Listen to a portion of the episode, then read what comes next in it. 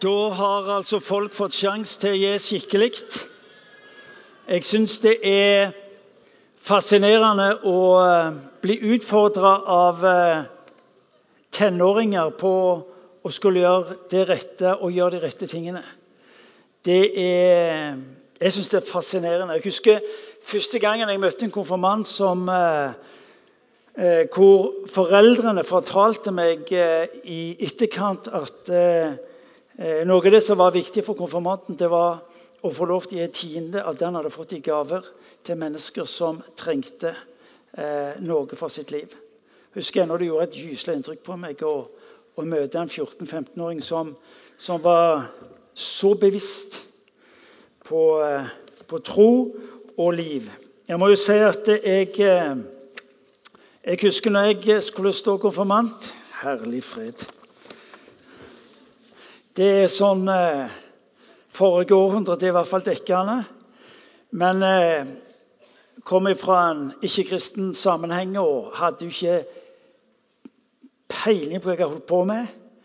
Og jeg syns enda synd på den konfirmantlæreren, for eh, han skjønte at vi ikke skjønte det vi burde skjønne, og alt det der. Eh, men ved Guds godhet så gikk det noen år, og så ble jeg truffet av eh, av en Gud som ikke hadde gitt meg opp, selv om ikke jeg forsto særlig mye av det de holdt på med den gangen i konfirmasjonstida. Eh, vi skal fortsette å eh, fokusere på noe som har med godhet å gjøre. Men noe av det som gjør det sterkeste inntrykk på meg når, når ordet godhet kommer til meg, er ikke primært det jeg gjør, med det jeg får lov til å motta. Og Jeg tror at vi er nødt til å få tak i den dimensjonen hvis det vi skal eh, representere, blir noe mer enn bare eh, noe sånn snilt, fint, vart, vakkert. Det òg er bra. Men jeg tror vi er en del av en historie, av en sammenheng, hvor perspektivet er langt større. Eh, jeg syns det, det, var nydelig, det som som Elling tok opp, og som vi ba for hverandre når det var snakk om å kjenne seg forvirra og, og uklar og utydelig. Eh, det er en naturlig del av livet vårt. Det er mennesker som går gjennom tilværelsen uten til tider å kjenne seg forvirra og oppleve tilværelsen uklar, er ikke menneske. Det er naturlig for oss å kjenne på det i livene våre. Eh, men det som slo meg igjen, det var det, det, er OK å være forvirra, bare at jeg sikrer meg å være på en trygg plass. Skjønner du meg? Altså, Sørg for å være på en trygg plass når du er forvirra. Vær blant mennesker som hjelper deg i det som er det utfordrende. Så gjør det ikke så farlig. Jeg husker psykiateren sa til meg Jeg gikk i terapi i to år. Eh, det kom som et sjokk på noen da de hørte at Kay hadde gått i terapi.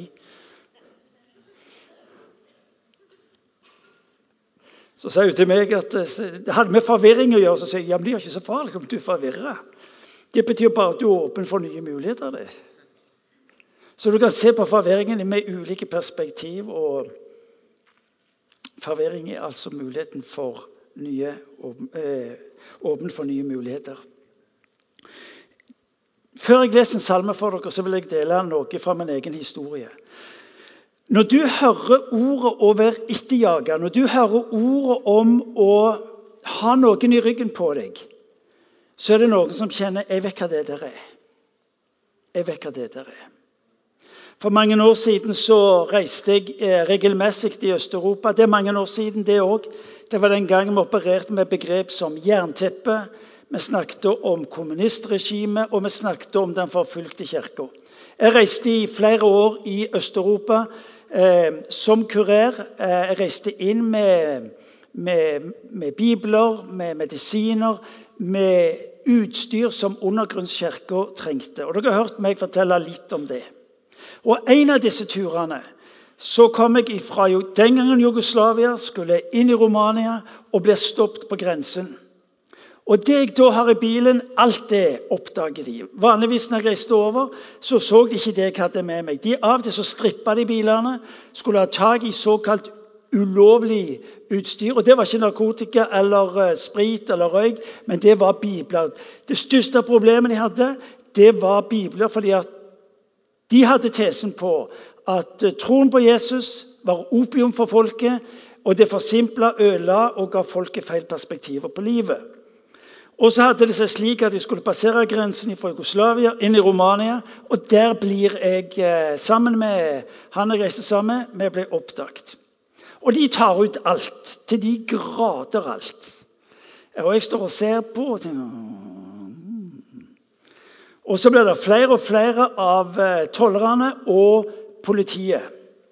Og de kjørte på oss, og de var litt sånn aggressive i stilen. og og snakket om fengsel og alt det der.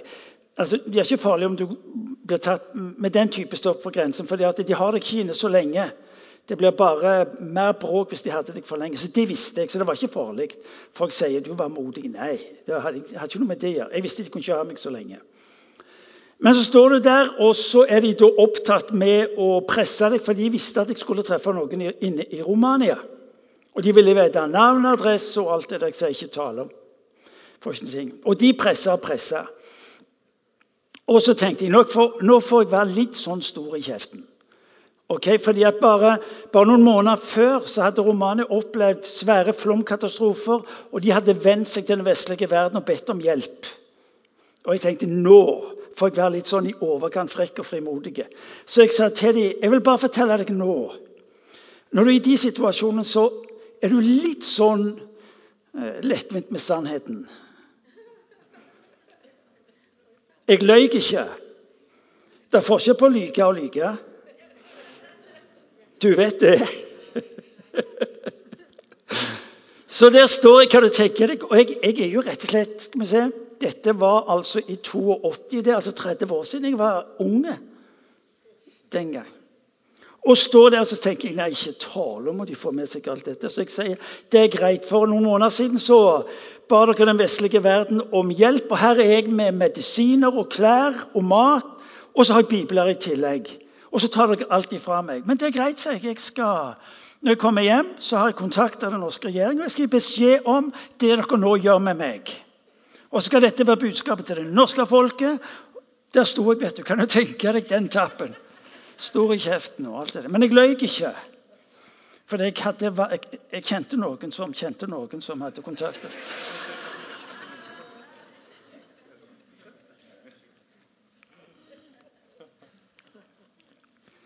Og det gjorde noe med stemningen og det gjorde noe med behandlingen. og det sa, ja, ja, nei, det var greit det.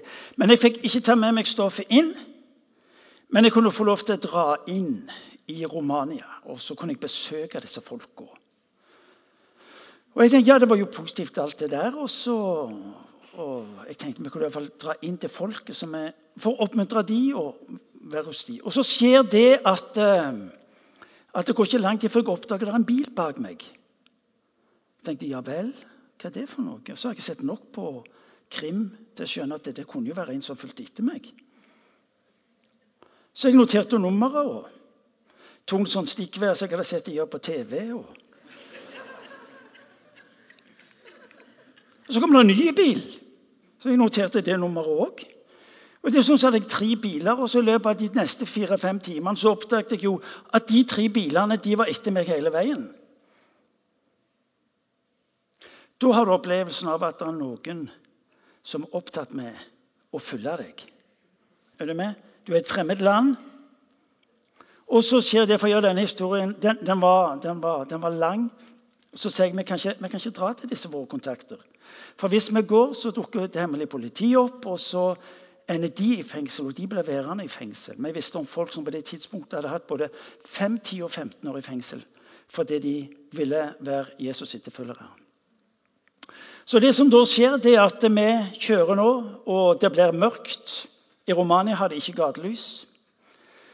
Og det som da skjer, er at du har disse her bilene som hele veien skifter med å følge etter deg. Og du har denne voksende lite kjekke opplevelsen at det er noen som jager deg. Har du hatt, no, har du hatt den følelsen? Du tenker Hva skjer nå? Husker jeg nå jeg sa, må vi lure disse her, sier jeg. Og så sier jeg det med når vi kjører nedover den veien der, og, og, så blinker vi til høyre. Og når vi blinker til høyre, så skrur vi av lyset og kjører vi bare rett fram. Jeg tenkte, Skulle det være gale, så fikk det være gale. Så vi blinkte og skrudde av lyset i det øyeblikket, så bare kjørte vi rett fram. Det var mørkt. ikke sant, så. Og Den bilen som kom etter meg, vet du, den uh, svingte òg til høyre. Og når den svingte til høyre, så bytte jeg på lyset, så fortsatte vi rett fram. Og så gikk det ikke mange minuttene, vet du, så, så kom det en bil. vet du. Med, jeg, vet ikke, jeg vet ikke hvorfor den kjørte, men så var det samme bil som kom tilbake, for de skjønte de var blitt lurt. I en åtte-ti timer har vi de bilene bak oss hele veien. Og du har denne her opplevelsen av at du på et vis er fanga av folk som plutselig omgir deg på alle kanter. Så er det ikke bedre at vi sånn ca. tolv på natta, der det ikke er gatelykt, så river vi av eksosanlegget. Er det med? Kan du tenke deg å kjøre klokka tolv om natta i Romania uten eksosanlegg? Er du med? Du trengte ikke De hørte deg uansett hvor du måtte være henne. Og til slutt sier vi bare gi opp dette. Så vi parkerte på et jorde og uh, la oss sove i bilen, meg og kameraten. Og våkne neste morgen med denne gufne følelsen av at det er noen som ser på deg. Har du hatt den følelsen? Jeg husker det som det skulle vært i dag. Og jeg slår opp øynene og ser ut vinduet, og der rundt hele bilen så er det altså bare soldater med maskingevær som inn i bilen der du da ligger og sover. Du, sånn, du bråvåkner. De soldatene de ønska bare å få seg vekk, for de hadde parkert i et skytefelt. Så sånn sett så var det jo gysla bra. Vi snudde og kjørte tilbake. Det var ikke aktuelt for oss å dra tilbake igjen. Men den opplevelsen av å være jaga kommer jeg aldri til å glemme. Dere skal høre meg lese fra Salme 23, som er et av de sterkeste uttrykk for en Gud som jager. Ikke for å ta deg, men for å finne deg og fylle deg og gi deg det du trenger. Salme 23 leser vi Herren er min hyrde, jeg mangler ikke noe. Han lar meg ligge i grønne enger, han leder meg til vann der jeg finner hvile. Han gir meg nytt liv, han fører meg på rettferdighetsstier for sitt navns skyld. Om jeg enn skulle vandre i dødsskyggens dal, frykter jeg ikke noe ondt, for du er med meg. Din kjepp og din stav, de trøster meg. Du dekker bord for meg like foran mine fiender. Du salver metode eh, med olje mitt beger renner over. Bare godhet og miskunn skal følge meg. I den gamle oversettelsen så står det skal etterjage meg alle mine dager. Og jeg skal bo i Herrens hus gjennom alle tider. Bare godt og miskunnhet skal etterjage meg alle mitt livs dager, og jeg skal bo i Herrens hus gjennom lange tider. Å være etterjakt og være ettersøkt er en gyselig opplevelse. Forfulgt. Noen som jakter på en. Noen som er opptatt med å finne en. Noen som er opptatt med Og så bare skape ordet frykt. Fordi det, det rommer så mye. Men her gis det altså et helt annet siktemål. Etterjages av Guds godhet og av Guds miskunn. Jesus sier, 'Jeg er kommet for å oppsøke mennesket, deg og meg'. Hva i all verden er kristendom for noe? Hvorfor i all verden samles vi her i denne salen hver søndag og gjennom uka hundrevis av mennesker, flere tusen mennesker gjennom uka? Fordi vi har våget å la oss fange, omfavne og fylle. Når Jesus kommer, så kommer han for å oppsøke. Og så reises det et kors. Et kors hvor det som skilte menneske og Gud, blir fjerna. Korset er noe langt mer enn et religiøst symbol. Korset sier noe om at Gud har fjerna det som skilte Gud og mennesket. Korset blir selve møtepunktet. Det sterkeste uttrykk for Guds godhet møter du i korset. Ingen grenser, ingen krav. Betingelsesløst nåde. Det er det som er kristendom. Det er det som er kristen tro. Det er det som har dette med Jesus å gjøre. Veggen mellom deg og han, synden, synden som hindrer han i å nå deg med godhet, måtte ryddes, ryddes vekk. Og så betaler han sjøl prisen som hindrer deg og meg i å motta det. Gud kunne gitt oss en liste, en bruksanvisning. Følg den. Skjerp deg på disse punktene. Og så skal vi ta en vurdering for å se hvordan det går med deg. Etterjage. Det er noe av det som jeg ikke forstår med den Jesus jeg tror på. Når han snakker om Martin, du skal vite jeg etterjager deg hver dag med min nåde og godhet. Kristendom er ingen religion med bruksanvisning for å oppnå en trygg fremtid og evighet på et høyere nivå. Kristendom er å la seg fange av en som aldri gir opp i å etterjage meg. Hva vil det si å være kristen? Hva vil det si å være kristen? Her er én det å la seg omfavne av Gud.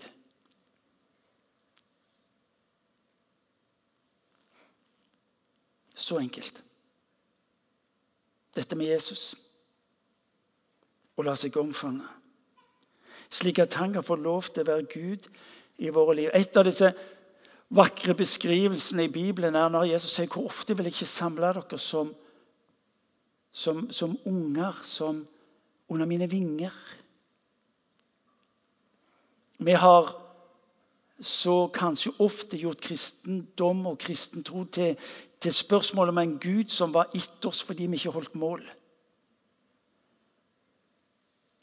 Så ofte så ble spørsmålet om Jesus et spørsmål om å holde nivået, det religiøse nivået. Og Jesus er det komplett fremmed for meg, for det er ikke det jeg er opptatt med. David skildrer, hør nå, David skildrer her i Salme 23 slik livet møter oss. Og det som ofte skjer, er at Når du hører salme, salme 23, så er det blitt sånn en ja, det er sånn en fin salme. det er sånn en trygg, og det er så mye trøst i den. Men greia er at Salme 23 er en, det er en kampsalme. Det er en salme som lyder når livet er tomt. Det er en salme som lyder når livet ikke lenger har mer å gi.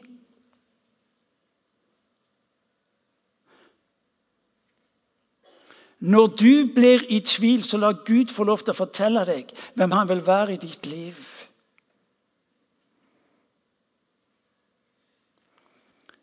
Han snakker om gressenger, om, om, eh, om marker, om, om, steder hvor han kan finne hvile. For han er, han er tom. Sted hvor det er vann, hvor han kan få drikke, fordi han er kjørt.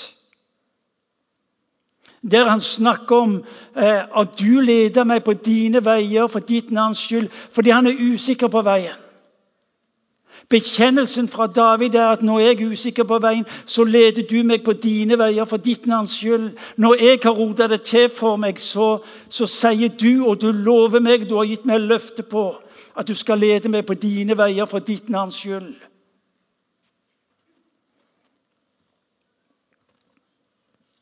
Når han opplever å være i dødsriket, eller som det også kan oversettes men når jeg opplever den onde dagen, så er du der. David bekjenner for seg sjøl. Løfter fram det som er sannheten om sitt liv. Og så sier han når, når jeg opplever den onde dag, så er du der. Salme 23 er ikke det skrevet et tidspunkt hvor han ligger altså på, på i, i, nærheten av Kjernås. Fuglene synger, alt er på plass. Nei. Det er når han opplever at fienden er like foran ham, og så bekjenner han Herre, du dekker bord for meg. Hva mener han? Jo, han mener når, når fienden er foran meg og ikke vet hva jeg skal gjøre, så dekker du bord for meg, så jeg kan ta til meg det jeg trenger for å overleve denne kampen.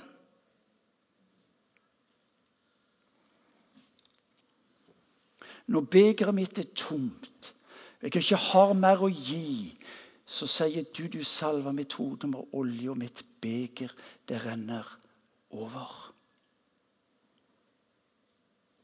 Hør nå.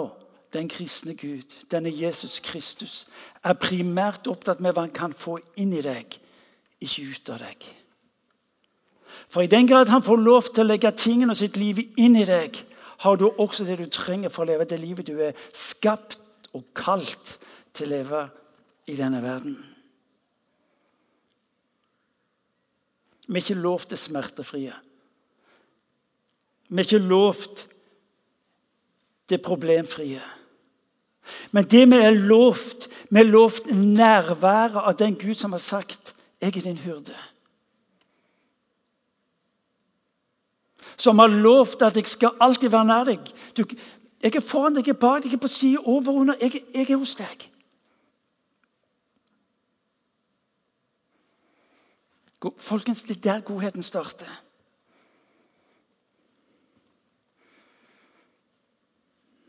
En har sagt det slik Jeg har bestemt meg for å være enig med det Gud sier til meg. Bill Johnson sier det slik at når du tviler, så tilbe. Hva betyr det å tilbe? Si fram det Gud sier om seg sjøl, at han vil være, være i ditt liv. Får du tak i det?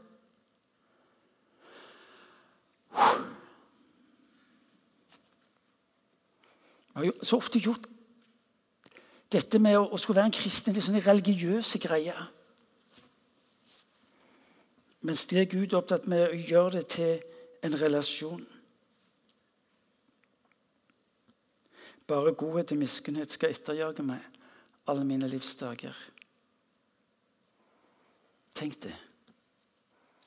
Du, du og meg tenker ja, fortjener jeg det eller ei? Hør nå. Hans utgangspunkt er ikke om du fortjener det eller ei. Hans utgangspunkt er at han elsker, derfor gir han. Bare godhet og miskunn skal etterfølge jage alle mine livsdager. Og jeg får bo i Herrens hus gjennom lange tider. Godhet.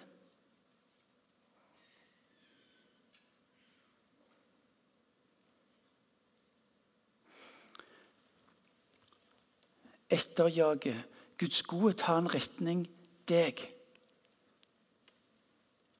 Tenk den tanken. Guds godhet har en retning meg. Uansett hvor du måtte befinne deg. Gud tar utgangspunkt i hvem han er, hvem han sjøl er, og hvem du er. Ikke hva du har gjort, eller hvor du befinner deg. Gud vurderer ikke deg og meg for hva vi har gjort, men for hvem vi er skapt til å være. Hør nå. Vi tror Gud leter etter å straffe for det galne vi har gjort. Nei, Gud leter etter for å løfte opp igjen, for å behandle i henhold til hvem vi er skapt til å være i denne verden.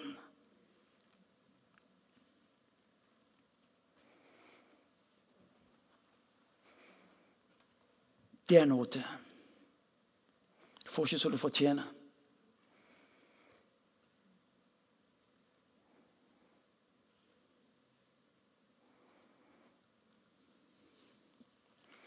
Og Av og til så sier vi at vi skal gi det beste.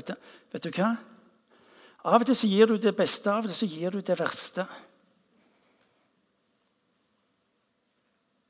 Får du tak i det? Din nød, din fortvilelse, din smerte, din ulykke er egentlig Guds mulighet til å demonstrere at han vil være Gud i ditt og mitt liv.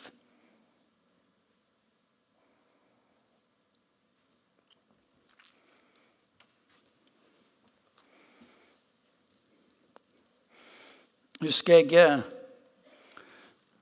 eh, Før jeg ble en kristen som Jeg ante jo ikke hva kristendom var. Ingen i min familie var kristen, så jeg ante jo ikke hva kristendom var for noe. Og Det var sånn, det var, det var gysla snåle greier. fordi at eh, husker jeg når jeg gikk på, på, på Hetland. Den gang het det realskole. Og, Der forsto jeg at to stykker, der var det to stykker som var kristelige.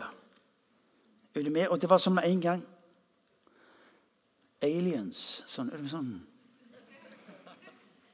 Utgave var det der. Husker jeg, så jeg begynte på en folkehøyskole. Der møtte jeg en av de som var ansatt. og Jeg fikk høre at vedkommende hadde to sånn longplayinger. Er du med? Vinyl heter det i dag. Jeg tenkte hun må være gysla kristelig. Og så ble altså dette med det kristne sånn karikaturen. Jeg putta det etter Og så ble det helt sært. Til i dag ikke lenger tror fordi jeg har hørt det, men fordi jeg har erfart det. Og kanskje er du her inne som tenker at det der religiøse er gysla sært, eller det kristelige er gysla spesielt. Men det som ble det avgjørende for mitt liv, det var det, Er det mulig at dette mest unike mennesket i historien kan ha snakka usant? Og for meg ble det sånn, er det går ikke an.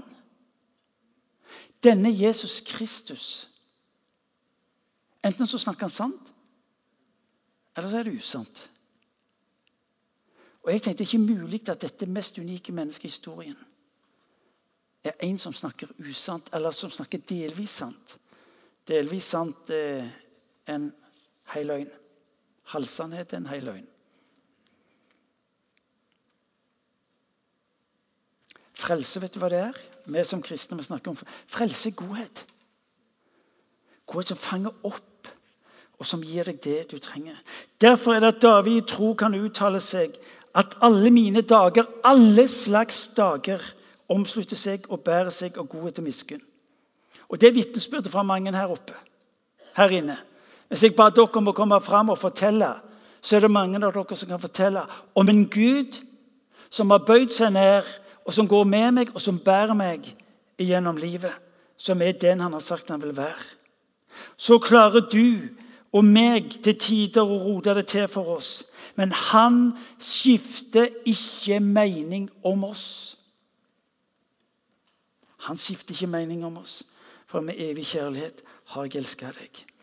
Hans løfte til deg og meg her nå er godhet og miskunnhet skal etterjage deg. Martin, du kan aldri, aldri springe så langt vekk at du klarer å distansere deg fra min kjærlighet. Jeg kan si nei til han. Men han vil aldri si nok er nok, Mr. Cave. Aldri.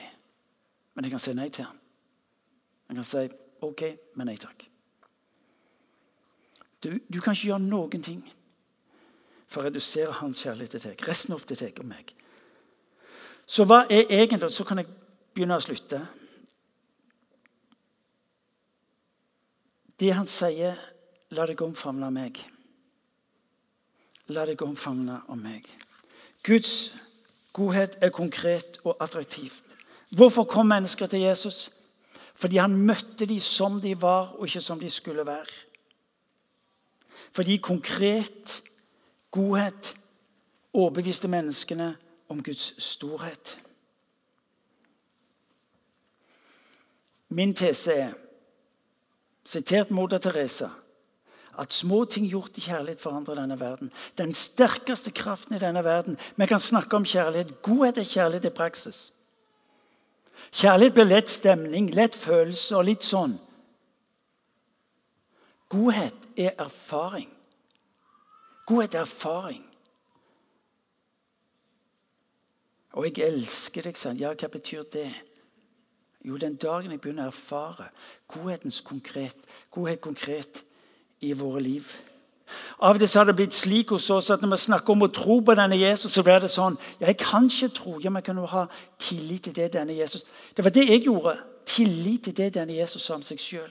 Og så har jeg altså fått lov til å være en Jesus-etterfølger i 40 år. Og det har vært de mest fenomenale årene i mitt liv. Hør nå godt etter.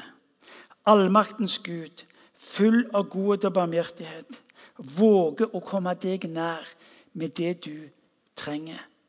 Det er kristendom. Det er å våge Han. Vil du at IMI skal bli positivt omtalt i Stavanger-distriktet, du som er medlem i IMI? Dere har hørt meg eh, fortelle historien før vi møtte eh, eh, en av de første gangene. Og En av de som ledet det teamet, det var, det var Ovo Conrad. Jeg husker det ennå. Ei mor hadde, sto der med fire unger, og mannen hadde stukket av bare noen uker i forveien. Og Huset var et mareritt, for det var svært. og Det var så mange problemer som hadde dukka opp i kjølvannet at du plutselig var blitt alene. Og det snåle var at naboen gjorde ingenting. Naboen var bare begeistra for trilla inn en 15-20 stykker fra IMI, og så, så malte vi huset to ganger i løpet av ei uke. Jeg hadde tjenesten med å kjøre rundt og servere vafler til de som malte. også. Og så kommer mor ut med, med ungene på eh, armen og rundt seg, og så spør jeg hvordan opplever du dette her? Og så sier hun at eh, det er som å vinne i Lotto ti ganger. Ja, hvordan da, sier jeg. Jo, fordi opplevelsen av å bli sett sprenger absolutt alt det jeg kunne forvente. Hør nå. David er opptatt med å fortelle at du er sett av en som elsker, som ikke tar utgangspunkt i hvor du skulle være, men som møter deg der du er. Imi Jeg har en drøm som mange av dere har hørt meg si før, at Imi skal være kjent som et sted hvor godhet er tilgjengelig, hvor Guds godhet er tilgjengelig. Hvor det er en slik en karakter at når folk spør hva gjør med livet mitt, så, så kommer de til Imi. Kan Imi løse alt? Nei. Men vissheten om at godheten som får nedslaget mellom oss, rekker lenger enn det du og meg er i stand til, fordi vi våger å tro på en korsmerka godhet. Fordi vi våger å tro at den godheten vi får ta del i, er en frykt av at en mann en dag sa jeg tar menneskets plass, dør på et kors. En korsmerka godhet. Hør nå.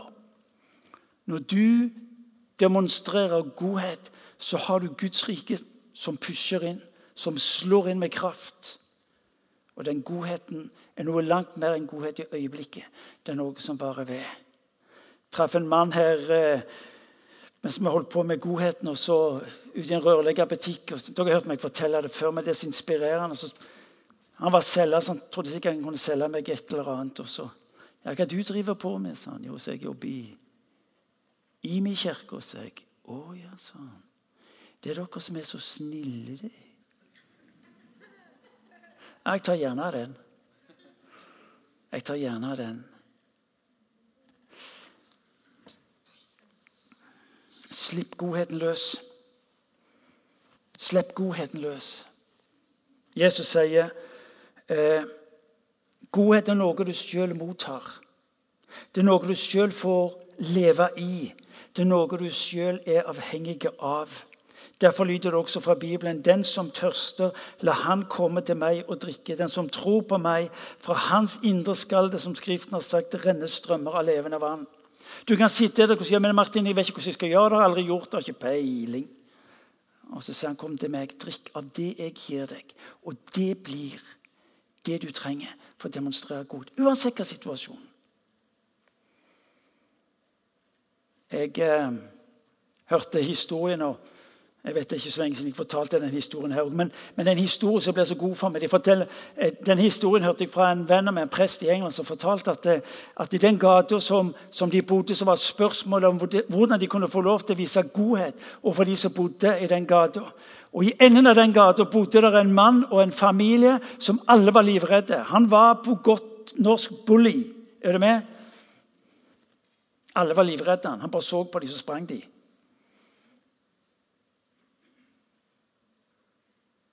Og Så bestemte jentehuset vet du hva vi gjør. For der i huset så bakte de boller hver lørdag. Og hun sier vet du hva vi gjør? Vi går til han med en pose med boller hver lørdagsmorgen. Så gir vi den til han. Og huset sa vel ok, men det er du som får gjøre det. Vi tør ikke. Og, og jenta sa det er greit, jeg skal gjøre det. Så Bakte boller, ba til Gud, og så gikk hun bort med denne posen med boller. Ringte på døra, døra går opp, og han kunne skremme de fleste. Og spurte hva er det for noe. Så vi ville bare få lov til å gi deg denne posen med boller. Ja, hva da for? Nei, vi har bare lyst til å gi deg og så sprang hun.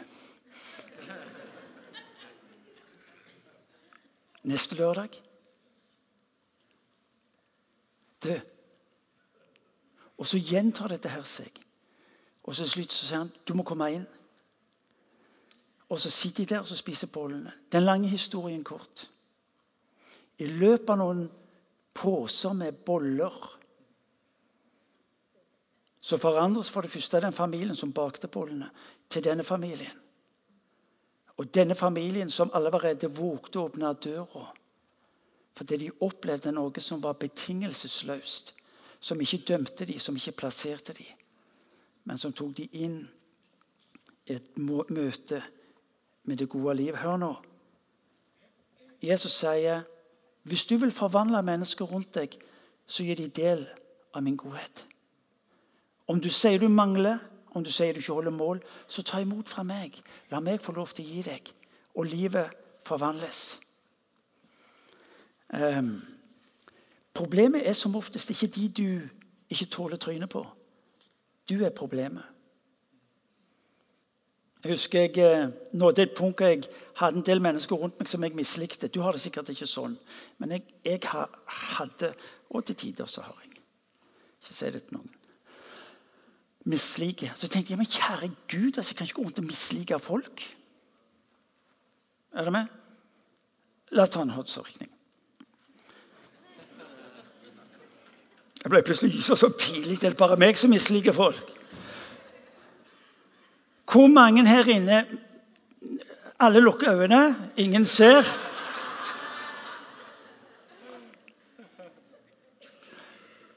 Hvor mange her inne har noen som de misliker Lukk øynene, ikke se.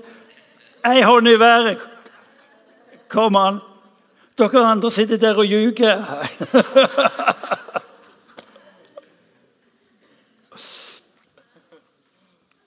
Vet du hva jeg bestemte meg for? Jeg bestemte ikke tale om. Jeg kan ikke fordra å mislike folk. Det høres ut som det gysler fromt, men jeg vet, hvis jeg går rundt og misliker folk, så er det meg som har det vondt, ikke de. Det er en dårlig måte å forvalte personlig og sosial økonomi på. Så jeg tenkte ikke tale om. Så det jeg bestemte meg for, det er ok, nå skal jeg være konsekvent. for det jeg gjorde. Var jeg et sted hvor det var kaffe, så tok jeg alltid to kopper med kaffe. Er du med? Vil du ha en kopp kaffe? Eller jeg kjøpte noe som hadde enten det var folk eller det var, så sa jeg Eller når jeg traff dem, så tenkte jeg jeg skal holde meg klar av han eller hun. Når jeg kom inn i det rommet, jeg var konsekvent ved å gå bort til vet du hva? 'Hei, kjekt å se deg.' Og det er mulig de tenkte ikke tale om om han syns det er kjekt å se deg. Men hva er det som skjer? Sakte, men sikkert så oppdager jeg at noe skjer med meg. Hør nå. Du forandrer omgivelsene ved selv å bli forandra. Du forandrer omgivelsene når de får anledning til å smake på godheten. Du har en avgjørende betydning på andre menneskers liv når du våger å la godheten Du sier men jeg mangler den. Er det en dårlig unnskyldning? Du har den. Han sier hvis du mangler den, så kom til meg, og du skal få den. Er du med meg? Hvis du sier du, vet du hva, det er løgn Det kalles for vantro på godt norsk. Eller i det religiøse verden så kalles det for vil ikke tro. Vantro er vil ikke tro. En ny definisjon, forresten. Helt gratis.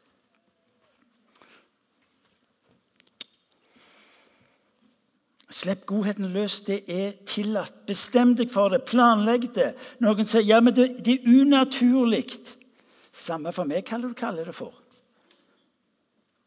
Hvis du og vi skal vente til alt blir naturlig, så er det mye som ikke skjer.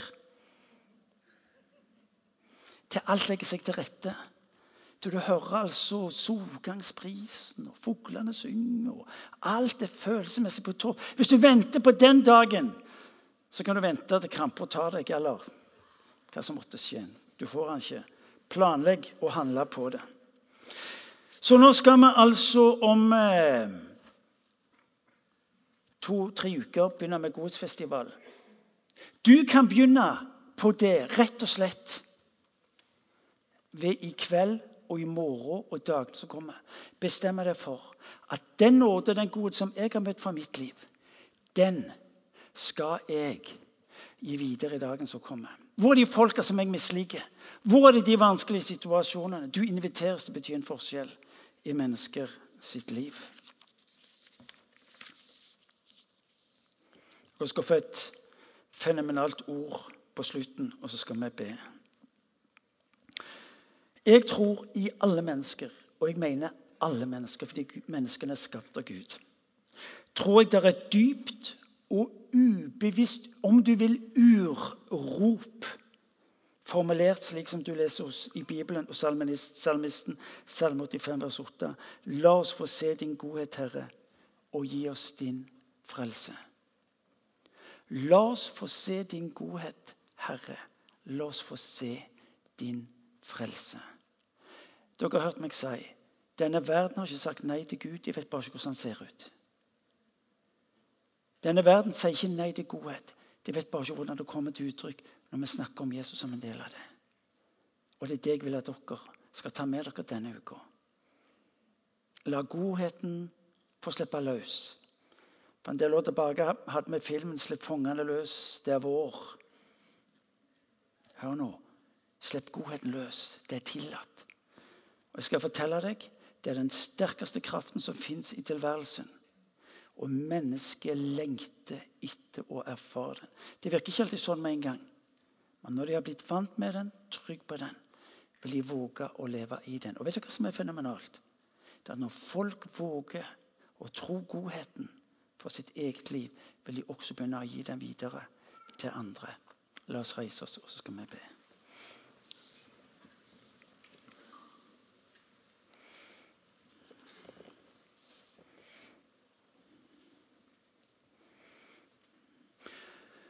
Kanskje er du her inne som ikke er en kristen.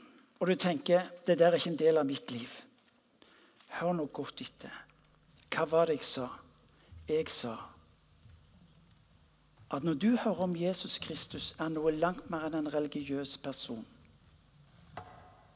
Jesus sier om, seg sjøl jeg er kommet nær for at du skal vite at jeg er nær deg for å tilgi, for å gi deg det du trenger. Tilgi dine synder Gjenopprette det som er ødelagt i livet ditt. Gi deg en ny start. Du kan argumentere imot meg, du kan være uenig med meg, sier Jesus. Men det var derfor jeg kom. Når jeg dør på et kors, så er det for at du skal vite at uansett hva som er din historie, gir jeg deg en ny historie. Når du begynner med regnestykket som diskvalifiserer deg, så sier han jeg har gjort opp for det regnestykket når jeg dør på korset. Jeg gir deg et nytt regnestykke. Når du velger å la deg styre av omstendighetene og omgivelsene, så sier han, 'Se på meg.' La meg få være utgangspunktet for hva du skal tenke, hvordan du skal handle, og hvordan du skal våge å omfavne livet.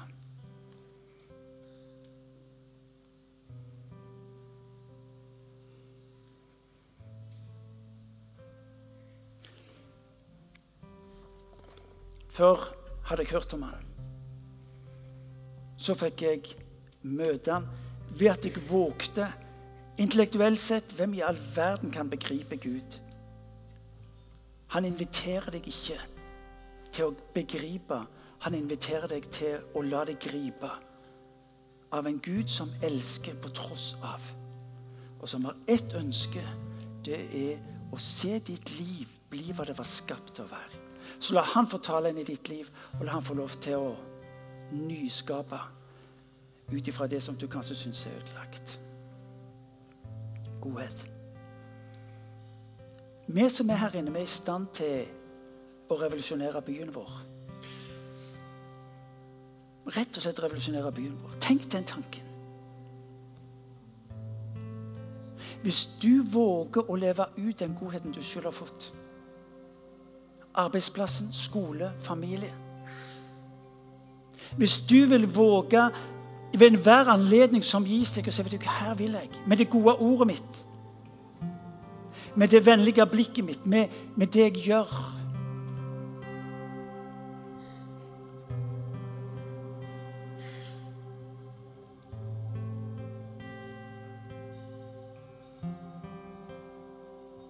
Denne verden har ikke sagt nei til Jesus. De vet bare ikke hvordan han ser ut. Godheten den sterkeste døråpner for evangeliet betingelsesløst. La oss be. Herre, jeg takker deg fordi du er mellom oss som den som elsker. Jeg ber, far, om at den enkelte av oss som er her inne i kveld, skal våge å la seg omfavne. Ser tankene, følelsene, ser historien som igjen og igjen får lov til å overbevise. Jesus, jeg ber. Jesus, jeg ber om at du skal komme til den enkelte. Til den enkelte av oss her vi nå står. Du vil din ånd overbevise. Du vil din ånd overbevise.